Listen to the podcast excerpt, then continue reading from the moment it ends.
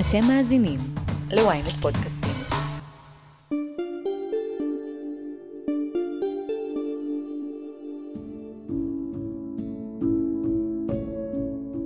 אני כבר עוד מעט שלוש שנים בתהליך. עברתי ועדה, עברתי מה שאני צריכה לעבור, עברתי ניתוח שנה שעברה, לפני שנה בדיוק. בדיוק אתמול התבשרתי שבראשון ליוני יש לי ניתוח אף, אז זה מרגש מאוד, כן, זה יצא לי טוב. פשוט היו לי מחשבות והדחקתי אותן. אני חושב שזה התחיל בתחילת שנות האלפיים, גיל ה-15-16. היו מחשבות והדחקתי, וכל פעם היה והדחקתי. עד אה, אולי גיל, אה, בערך איזה 15 שנה, עד גיל אה, 30 אולי. זאת הודיה בן שמעון, בת 38, אישה טרנסית מקריית עקרון שיצאה מהארון לפני שלוש שנים. אני לא אגיד שלא היה קשה בהתחלה כשהיא יצאה בפניי מהארון. לא כל יום הבעל שלך בא ומודיע לך שהוא רוצה להיות אישה. ואמרתי לה את זה גם בנדרים שלנו שהתחתנו מחדש בחתונה השנייה. הוכחנו שאנחנו יכולות להתגבר על הכל. זאת קורל, שנשואה להודיה חמש שנים וחצי, וחוותה איתה גם את הרגעים הקשים. ויש הרבה כאלה. רציתי להכיר מישהי, להתחתן ולהקים משפחה וכולי. התחתנתי כבר, הייתי עם קורל והיינו נשואות כבר, ויכול להיות זה נתן לי את הביטחון לצאת. הודיה נמצאת בתהליך של התאמה מגדרית. כדי לעבור אותו בישראל ולא בתאילנד, כפי שעושות רבות ורבים במצבה, היא צריכה לעבור תהליך ארוך ומפרך. את הוועדה הרפואית של משרד הבריאות שמאשרת את ההליכים הרפואיים, היא כבר עברה. מה זה כולל? חודשים ארוכים של בדיקות, שיחות עם רופאים ואנשי בריאות הנפש. אבל בזה לא תמה ההמתנה הארוכה. כדי לעבור ניתוח תחתון להתאמה מגדרית באיברי המין, היא צריכה לחכות שנים ארוכות. לרגל חודש הגאווה יצאנו למסע בעקבות הקשיים של טרנסיות וטרנסים בסבך המערכת הרפואית. אני ריקי כרמי, וזאת הכותרת.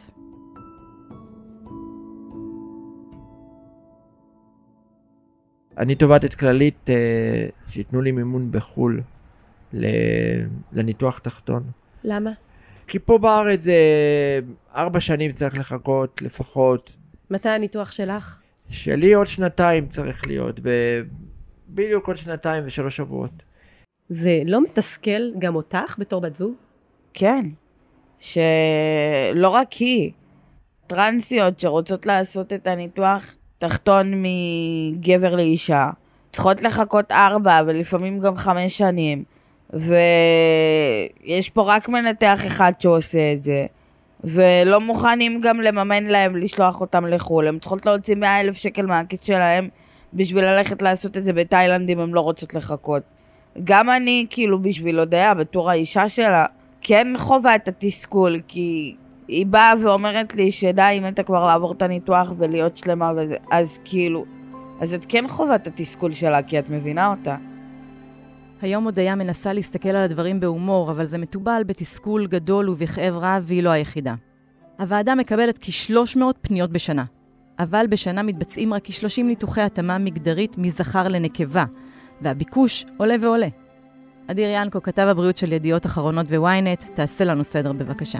בעצם אנחנו מדברים על אה, סדרת אה, ניתוחים, אה, בעיקר ברמה הכירורגית, שמיועדים למה שנקרא F2M ו-M2F. F2M זה Female to Male, ו-M2F זה Male to Female. זו ההגדרה הרפואית, שבעצם ההגדרות הללו מותאמות לקהל שמבקש את אותם ניתוחים, וצריך להגיד, בניגוד להרבה מאוד ניתוחים כירורגיים, פלסטיים, אחרים, הניתוחים הללו שמיועדים לקהילה הטרנסית, זה בעצם הניתוחים היחידים שהמדינה, אם תרצי אפילו, מתעקשת לשלוט עליהן ולהפעיל רגולציה מאוד מאוד משמעותית.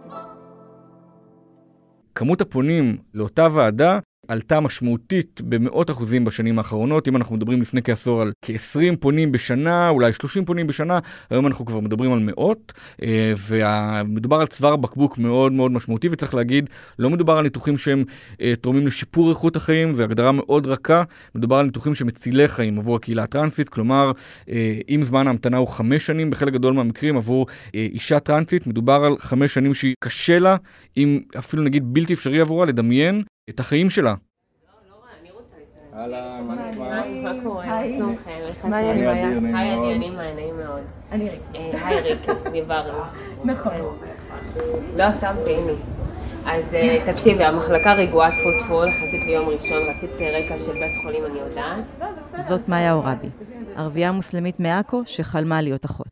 יצאתי אה, לאכול צהריים, הייתי עם עוד אחות במחלקה שעבדה איתי, ועוד אחות ממחלקה אחרת, וניהלנו שיחה.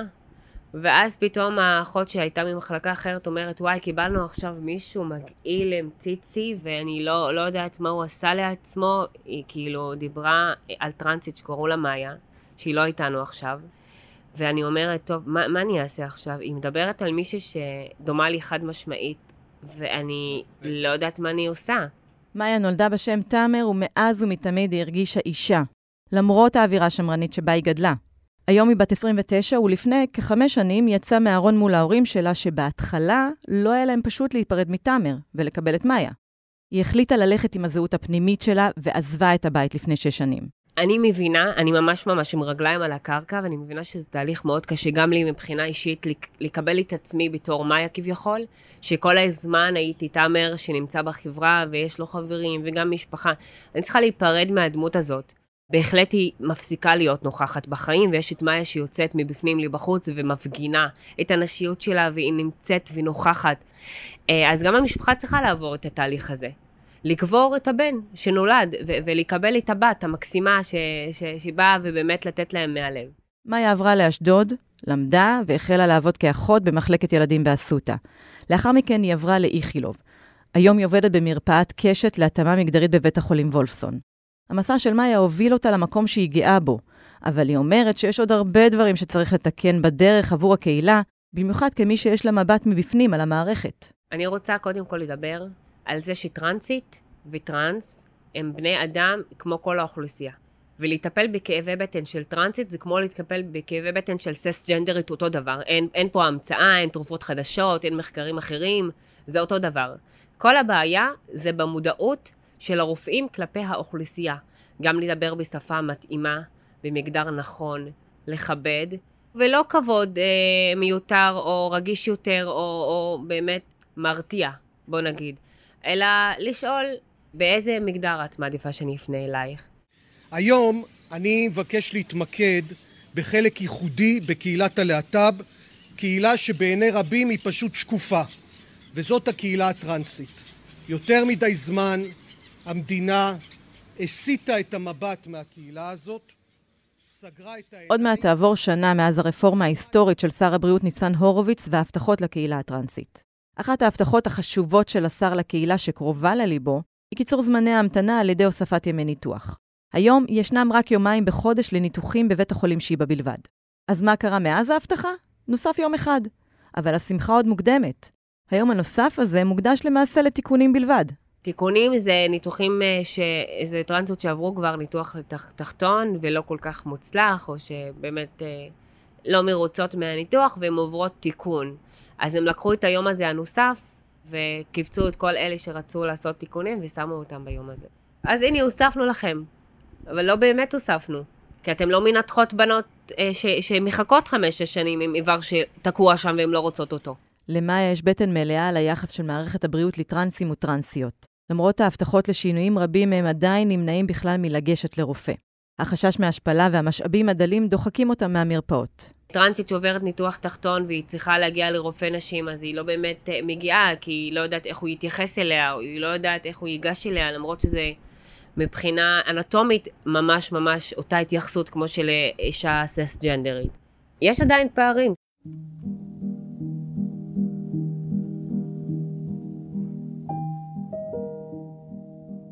אני עם עצמי ניהלתי את השיחות האלה, אני נוהג להגיד בערך מגיל שנתיים. זאת אומרת, מאז שאני זוכר את עצמי, אה, היה לי את השיחה עם עצמי על הפער הזה שאני מרגיש בין איך שאני רואה וחווה את עצמי לבין איך שהסביבה רואה וחווה אותי.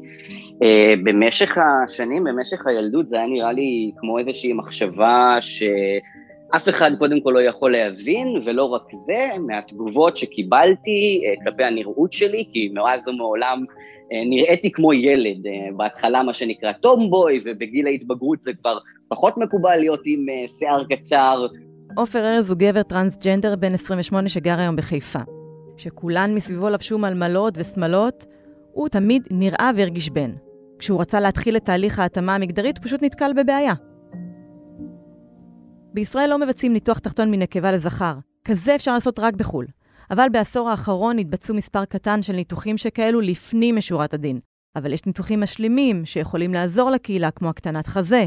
גם כאן, כדי להגיע לניתוחים ולתרופות, צריך לעבור דרך הוועדה של משרד הבריאות. אני חוויתי ועדה, כן, אני חייב להגיד שגם הוועדה הזאת מאוד השתנתה, כאמור, משרד הבריאות מסתכל היום על הקהילה הטרנסית ובוחן מה הצרכים שלה מצד אחד, מצד שני קיים איזשהו אבסורד, יש המון המון אנשי מקצוע שרתומים לנושא הזה ומבינים, ואת יודעת, יש עכשיו כנסים וימי עיון, ומצד שני המדיניות עדיין תקועה בסוף שנות ה-80. כשעופר הציג את עצמו בפני הוועדה הוא הרגיש שהוא צריך להתחפש. אין ספקטרום של גבריות ונשיות. הוא צריך להיות המאצ'ו. כשאני הגעתי לשם היה ברור שאני צריך להוכיח שאני גבר גבר, הייתי מגיע לשם על מדים, אמרתי איזה יופי, יש לי את התחפושת הזאתי, אבל זו הייתה התחושה, בניגוד למצב שבו, ואגב משרד הבריאות כבר מכיר בעובדה שהם לא שומרי סף, הם צריכים לתת שירות, אני מגיע לרופא מומחה כדי שיעזור לי לעבור תהליך רפואי, אני מגיע למטפל כדי שיעזור לי לעבור אה, אה, תהליך רגשי, אבל ממש לא להוכיח האם אני מספיק טראנס או לא מספיק טראנס, האם אני אתחרט או לא אתחרט, נו באמת, אתם מרשים לי להיות בוטה?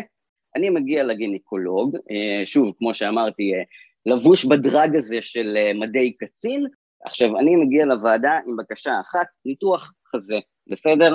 שום דבר אחר לא היה רלוונטי לי אז, אה, ואני נכנס לגינקולוג והוא אומר לי, טוב, אז עכשיו בוא תשכב על המיטה, אנחנו צריכים לעשות בדיקה. ואני מסתכל עליו ואומר לו, למה? בשנת 2022 עדיין אין בארץ רופא שיבצע ניתוח תחתון להתאמה מגדרית מאישה לגבר, אבל ניתוחים פלסטיים בחזה הם לא דבר חדש בשוק. לדברי עופר, המערכת צריכה להגדיר שזה משהו שמעניין אותה ולשלוח רופאים להתמחות ולפתוח את השוק הזה גם לניתוחים פרטיים. אבל היא לא עושה את זה כי היא רוצה לשלוט על חייהם. בוועדה יושב פסיכיאטר אחד בלבד, ולטענת עופר זה יוצר צוואר בקבוק. בקיצור, הכל תקוע בבירוקרטיה של שנות ה-80. אני מרגיש מתוסכל. יש איזה פער מאוד גדול בחיים שלי, אה, בין אה, איך שאני חווה אותם במעגלים הפנימיים שלי, שבאמת בגיל 28 אה, ואחרי יותר מעשר שנים מחוץ לארון, הם מעגלים מאוד אוהבים ומאפשרים, שאני יכול להיות בהם מי שאני רוצה ואיך שאני רוצה, ואז הרגע הזה שאני צריך להתקשר uh, למרפאה, ואני מבין שהרופאה שלי לא נמצאת היום, ואני צריך להגיע לרופא שאני לא מכיר, ואני מת מפחד.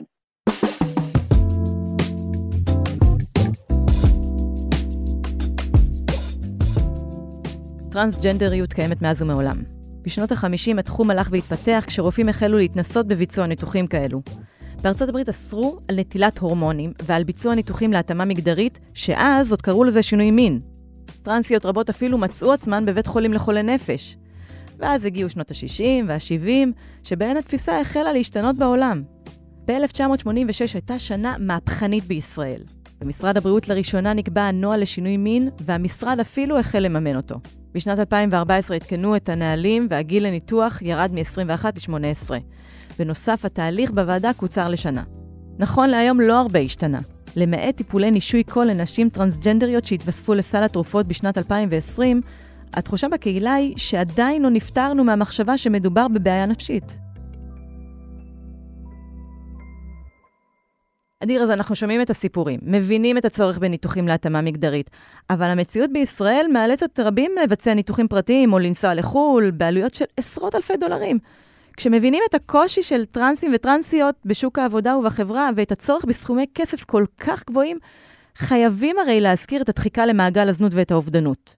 נכון, כי אה, חלק גדול מהניתוחים הללו הם כרוכים, כשלא הולכים אה, למימון ציבורי והולכים למימון פרטי, עולים עשרות אלפי דולרים, אנחנו יודעים שאחת האופציות אה, באמת אה, של male to female, ניתוחים תחתונים בעיקר, אה, היא בתאילנד, מדובר בניתוח שעולה עשרות אלפי דולרים, לצערנו הרב, גם היום בישראל 2022, יש אפליה קשה מאוד נגד הקהילה הטרנסית במקומות העבודה, אז את גם בעצם צריכה סכום מאוד מאוד מאוד אה, גדול, משמעותי של כסף, וגם קשה לך למצוא עבודה, וגם את נכנסת למעגל שבו, אה, כפי שאמרת, עיסוק בזנות הוא חלק מהנוף, אה, למרבה הצער, והחיבור בין זה לבין זנות הוא חיבור מאוד מאוד הדוק, ולצערנו אנחנו רואים uh, שעדיין הקשר בין הקהילה הטרנסית לזנות, למרבה הצער, הוא קשר הדוק וחייבים לשבור אותו.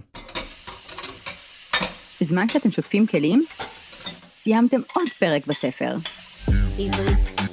חדש באפליקציית עברית, ספרים קוליים, דרך חדשה לנצל את הזמן ולהפוך את השגרה לחוויה מרתקת. אז בואו ליהנות מאלפי ספרים להאזנה שמחכים רק לכם. פשוט לקרוא בכל דרך בעברית.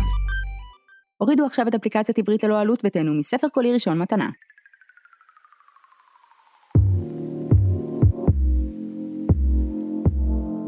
במשך רוב השנים ממתי שהניתוחים האלה התחילו בשיבא ב-1986, במשך רוב השנים זה היה ניתוח אחד בחודש בלבד. את רוב הניתוחים אפשר לעשות בפרטי. המגבלה היחידה היא על ניתוח תחתון, שם בעצם המדינה מחזיקה את המונופול. זאת נינה לוי, בת 63 מתל אביב ונשואה כבר 27 שנים לדגנית. היא מוותיקות הקהילה הטרנסית ופעילה בקהילה במסגרת פרויקט גילה להעצמה טרנסית. פרויקט גילה הוא ארגון של טרנסג'נדרים למען טרנסג'נדרים, הוא הארגון הטרנסי הראשון שקם בארץ. נינה מכירה כל כך טוב את עבודת הוועדה, היא משמשת כנציגת הציבור בוועדה. אי אז ב-1986, הרפואה נכנסה למגננה מולנו. מישהו ניתח איזושהי אישה טרנסית בפרטי, הניתוח היה לא מספק, הייתה תביעת רשלנות, ואז בעצם מערכת הבריאות נכנסה לבונקר, המציאה את הוועדה ולקחה לעצמה בעצם מונופול על ניתוחים של אברי המין.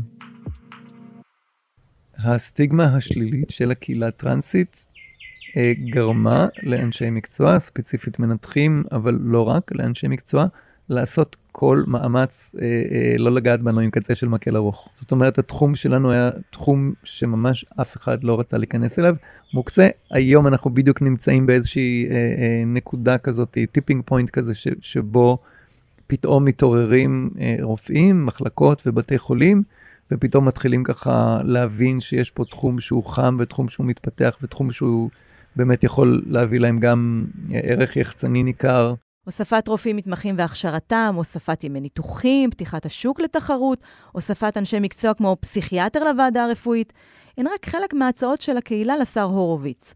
אבל בלב ליבו של התסכול שלהם הוא בכלל במהות. המלחמה על השוויון, על הזהות, והרצון שהמדינה תכבד את החלטתם.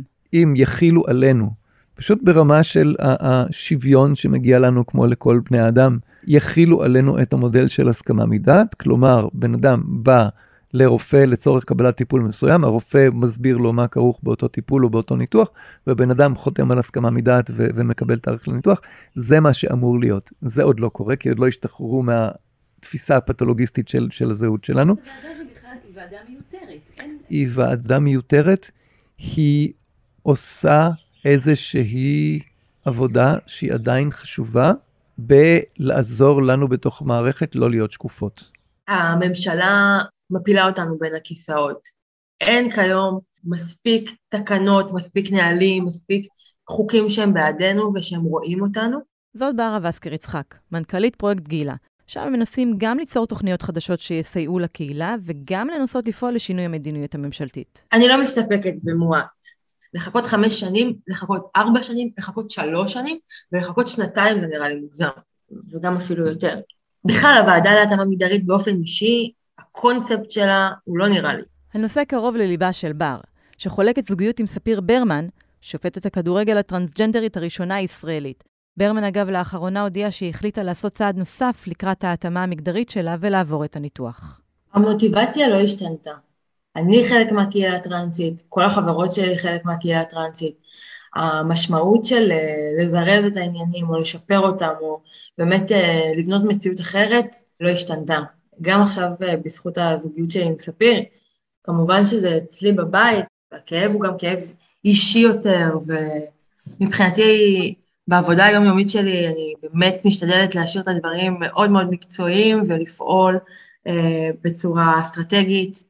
אני רואה ויודעת איזה קהילה מדהימה אנחנו, אנחנו קהילה של מלא חכמות ומלא מוכשרות, מאוד מאוד מיוחדת. אנחנו יודעים שיש מצוקה אמיתית בזמינות של הניתוחים לשינוי מין. זמן ההמתנה היום רחוק מלהיות סביר. לפעמים ארבע שנים. אז כאמור, הוועדה נתקעה איפשהו בשנות ה-80 ולא מותאמת לזמננו.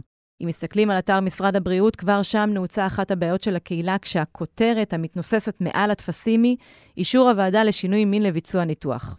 משרד הבריאות לא הפנים בכלל את המהפכה הקטנה של הקהילה שמדברת במושגים של התאמה מגדרית ולא שינוי מין.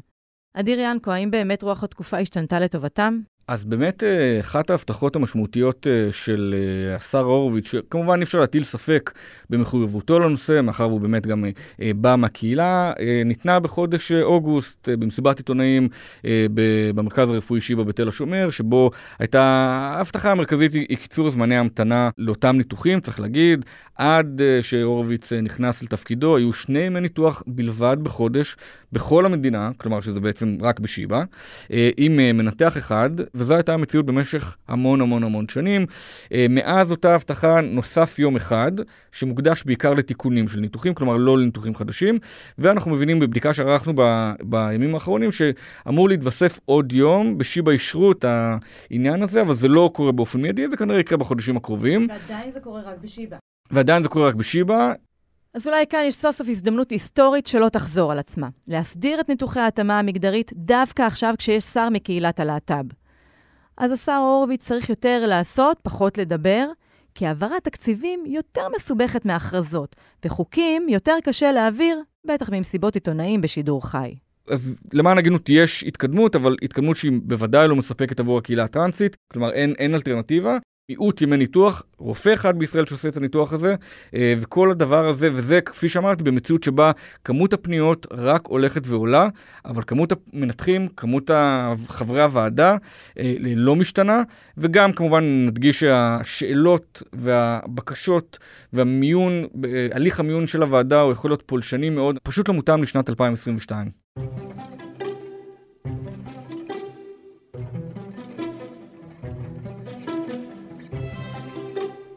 ונחזור להודעה שפגשנו בתחילת הפרק. יש לה מסר מאוד חשוב לכל צעירי וצעירות הקהילה הטרנסית.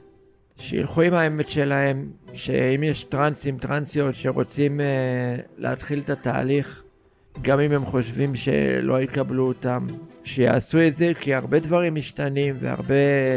הכל יכול להשתנות.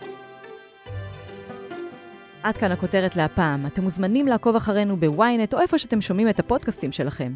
אם זה קורה באפל או בספוטיפיי, אתם מוזמנים גם לדרג אותנו ולהאזין לשאר פרקי המגזין שלנו. חפשו למשל את הפרק העם עם הגולן, המדינה פחות. וכמובן, אל תשכחו לשלוח את הפרק לחבר שעדיין לא שמע את הכותרת של היום. עורך הפודקאסטים הוא רון טוביה. תודה למעיין רודה על עריכת הטקסט ולגיא סלם על הסיוע בעריכה הטכנית. על הסאונד, ניסו עזרן, עריכה לשונית אור שמש. סיון חלאי חברה גם היא בפודקאסט הכותרת. אני ריקי כרמי, חג אהבה שמח.